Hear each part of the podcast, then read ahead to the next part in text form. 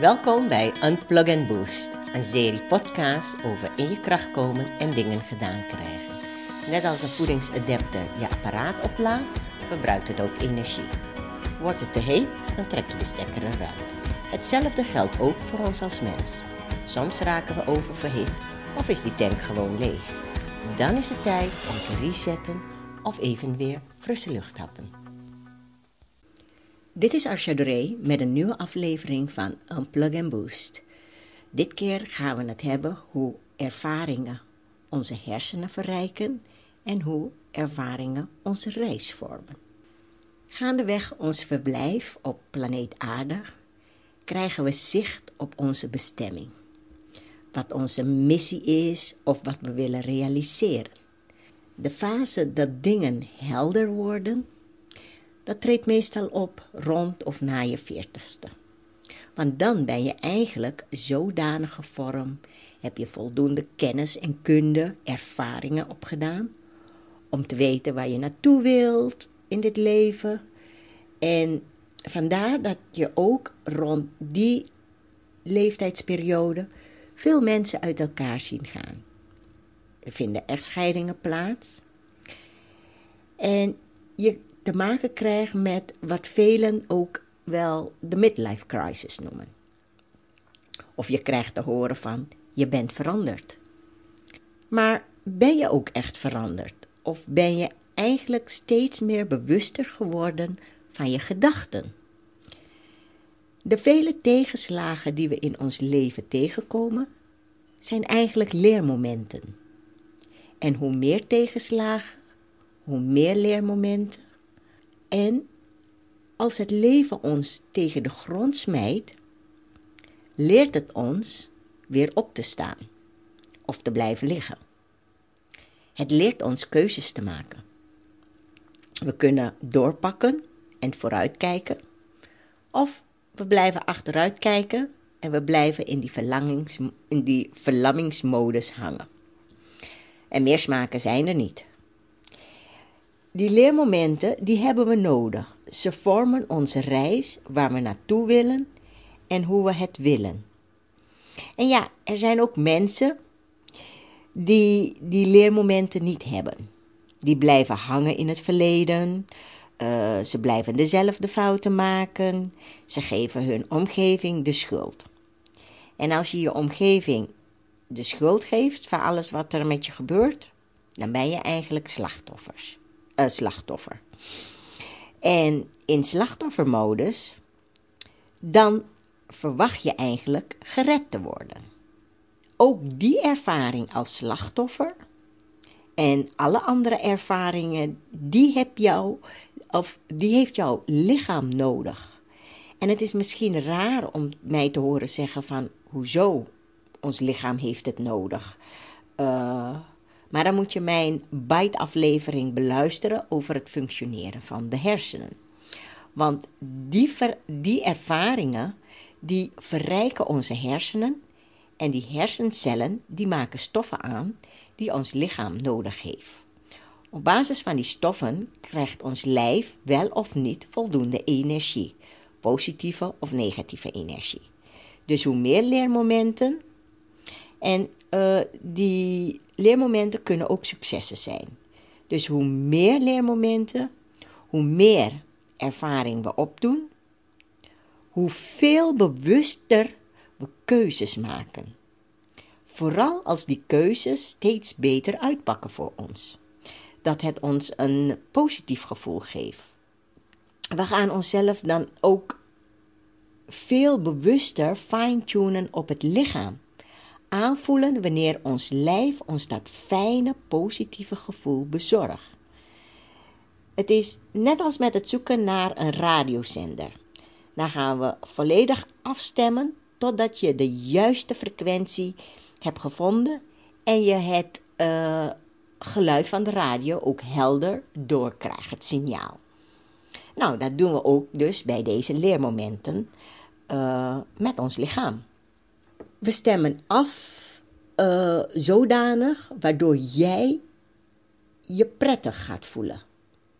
Uh, we gaan dan vanuit eigenlijk het denken met ons linker hersenhelft, gaan we naar het voelen met onze rechter hersenhelft. Ik zeg dan dat we eindelijk vanuit gevoel, vanuit het hart gaan leven, vanuit passie dingen doen, dingen die ons energie geven. Onze hele lichaam, onze hele omgeving, alles om ons heen, het hele universum bestaat uit energievelden. En die energievelden die geven hoge, lage signalen, frequenties af. En die frequenties die, die, kun je, die kun je even heel simpel gezegd meten in tijd, bijvoorbeeld lichtsnelheden, of in uh, tonen, geluid. Zet maar bijvoorbeeld een, uh, een leuk uh, muziekje op. En ga dan spelen met het geluid. Uh, zet hem hoger, lager. En zie bij welke toonhoogte jij je prettig voelt. Je zal zien dat hoe hoger of harder je het geluid zet, dat je op een gegeven moment het geluid niet als prettig zal ervaren. De meeste mensen vinden een hard geluid niet fijn. En dat komt omdat ons oor maar een bepaalde frequentie aan kan. Wij nemen maar een, een hele lage frequentie met ons oor, kunnen we waarnemen. Mensen die bijvoorbeeld doof zijn, die ervaren geluidstrillingen ook op een heel ander niveau. Hun frequentieniveau is vaak veel beter en hoger. Dieren, zoals dolfijnen, die hebben een veel hogere frequentiegolf. Water en wind hebben ook een bepaalde frequentieniveau. Die stormen bijvoorbeeld, zoals we die de afgelopen periode hebben gehad. Je kunt daarvan ook de kracht en snelheid meten. Vandaar dat we soms ook zeggen van code oranje, uh, code rood, liever niet op straat, weet je. En hetzelfde heb je ook bij volle maan en nieuwe maan.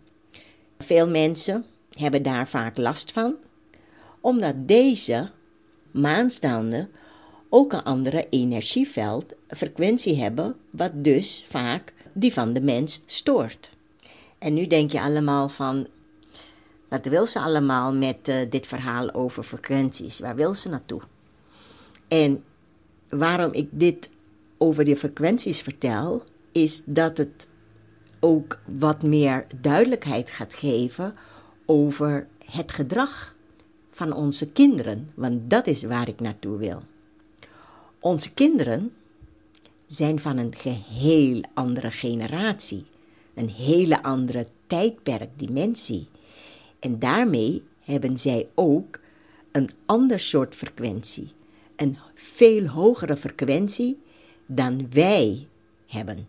En zij voelen zich uh, vaak ook heel anders dan anders. Ze zijn ook heel, wat we zeggen, hoogsensitief, heel gevoelig. En onze kinderen, deze kinderen, die noemen wij eigenlijk, dat zijn ook de kinderen geboren eigenlijk vanaf 95, 1995, zo ongeveer tot 2012. En uh, dat noemen wij eigenlijk de digital natives, de generatie Z, de Gen Z. En deze kinderen zijn geboren eigenlijk met een smartphone in de hand. Waar een nog geavanceerder smart city-industrie, of eigenlijk een Star Trek Galaxy, realiteit is. Het zijn wereldverbeteraars en, uh, en gewend aan een constante digitale informatiestroom. En ze verwerken informatie razendsnel. Binnen 8 seconden bepalen ze of content relevant genoeg is. Ze zijn dus ook echt berucht om hun korte aandachtsboog. Hun, het zijn ultieme multitaskers. Uh, je ziet ze vaak niet op drie schermen tegelijk, maar uh, wel vijf schermen werken. En uh, informatiefilter die is zo geavanceerd. Ze zijn ook veel intelligenter dan wij. Waar wij als ouders of laten we zeggen, niet alleen ouders, maar wij van, van, van onze leeftijd. En dan moet je uh, weten dat ik in 1966 geboren ben. Dus, dus deze generatie van uh, mijn generatie. Uh, wij leven nog heel erg in een 3D-wereld. En de generatie na ons, die, zijn, die leven eigenlijk in een 5D. En, en met 3D bedoel ik dat, dat wij nog in een, hoe zeg je dat? Wij denken nog heel veel en ons gevoel is op een andere level. Denken en gevoel liggen nog heel erg uit elkaar. De generatie na ons, die leven veel meer vanuit gevoel. En daarmee hebben zij ook een veel hogere frequentie en een geheel andere dimensie dan wij, de oudere generatie. En wat gebeurt er als je dus niet op dezelfde golflengte of frequentie zit? Dan ga je ruis ervaren. Dan krijg je communicatiestoringen. Wij snappen hen niet en zij ons ook niet. En voor hen zijn wij niet zo intelligent. In hun ogen zijn we dom. En dat is ook zo. Kijken we naar onze voorouderen, dan zijn wij ook veel slimmer dan onze voorouders. Intelligenter dan hen toen. En dat is ook niet gek, want toen, in onze, laten we zeggen, in de tijd van mijn grootouders, toen kwam net de televisie in opmars. En kon men zich ook geen beeld voorstellen van wat het internet zou zijn of is. Mijn ouders, ja, mijn, mijn, mijn moeder moet nog leren hoe een smartphone werkt. En die weet niet, die snapt niet wat het internet is. En net zoals de holbewoners, die toen ook geen weet hadden dat we nu gewoon heel simpel een stekker in het stopcontact steken en dan komt er stroom of warmte uit. In plaats van dat we een paar stokken tegen elkaar wrijven om een vuurtje te stoken of te maken. Of dat we paard en wagen ooit uh, plaats zou maken voor een uh, smart auto zoals de Tesla.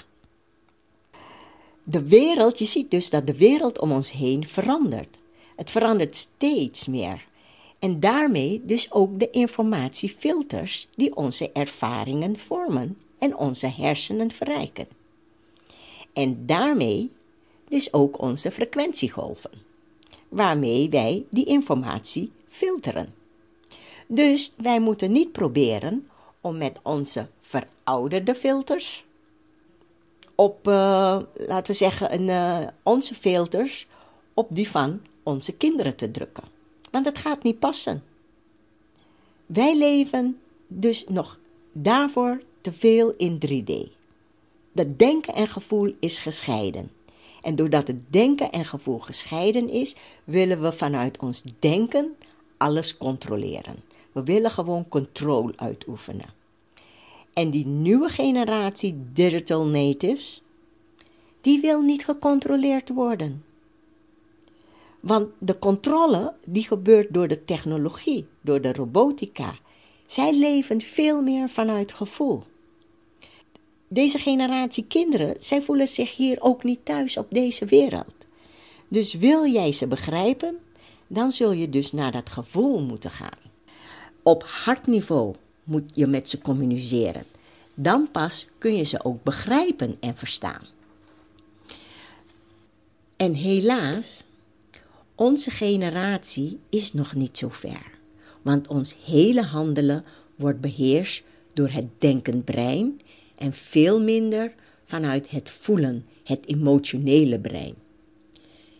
90% van onze tijd verrichten we op de automatische piloot, onze default staan. En dat betekent dat uh, in het brein dingen tig keer zijn herhaald, waardoor ons lichaam onbewust al weet wat hij moet doen en wat hij moet voelen. En op de automatische piloot kun je dus ook niet bij je gevoel komen. En wat zeggen we tegen onze generatie Z-kinderen? Dat ze zich raar gedragen, ze zijn lui, er komt niks uit hun handen, ze maken dingen niet af of ze switchen steeds weer van opleiding zonder dat diplomaatje te halen, ze zijn opstandig, te veel ADHD of ADD of noem maar op. We leggen alle problemen bij die kinderen. Maar het probleem ligt bij ons als ouders. Wij moeten ons aanpassen. Niet die kids. Wij moeten ze leren begrijpen. Willen wij meegaan met die veranderende wereld? In onze wereld vervelen, vervelen ze zich. Hun informatiefilter is tig keer sneller. Ze hebben al snel door dat iets of een opleiding niet bij hun past. Ze weten al heel snel wat ze wel willen. Hun ervaringspatroon is dan ook anders. Zij leven al in die galactische wereld. Dus als je kind zegt: Ik voel me hier niet thuis, ga dan geen verhaal ophangen dat hij zij echt uit je buik is geboren. En, want dat bedoelt het kind niet. En uh, hij bedoelt gewoon dat deze wereld, onze wereld, niet hun wereld is. En wat gaan zij doen? Zij gaan allerlei manieren zoeken om te ontsnappen aan deze wereld, die wij ze willen opleggen. Zij gaan met je debatteren, zodat wij onze kijk op onze wereld gaan aanpassen. En doordat deze Gen Z-kinderen al heel vroeg, zelfs op zeer jonge leeftijd, al vanaf 4, 5 jaar, wijs zijn en op gevoel opereren, zijn ze emotioneel ook veel ouder en wijzer dan wij. Vaak hoor je ouders ook zeggen: Hij is net een oude ziel. En dat zijn ze ook. Onze kinderen van nu dwingen ons om ook op dat hartniveau te leven. Want alleen op hartniveau heb je een andere frequentie en kun je pas echt met deze generatie kinderen communiceren. En laten we dat ook doen op hartniveau. Zorgen dat we daar zijn en dat we samen met onze kinderen werken aan het mooier maken van deze wereld. Niet alleen voor hun, maar ook voor de kinderen die hierna komen. En hoe mooi is dat om dat als erfgoed achter te laten. Hoop dat je weer voldoende brandstof hebt om dat vuur in je aan te wakkeren. En heb je behoefte aan even iets sterks? Check out mijn coachingpagina en bestel een van de Powerhouse-programma's. Zo voor nu, cheers! En vergeet niet om deze podcast te delen als het je heeft kunnen opnemen.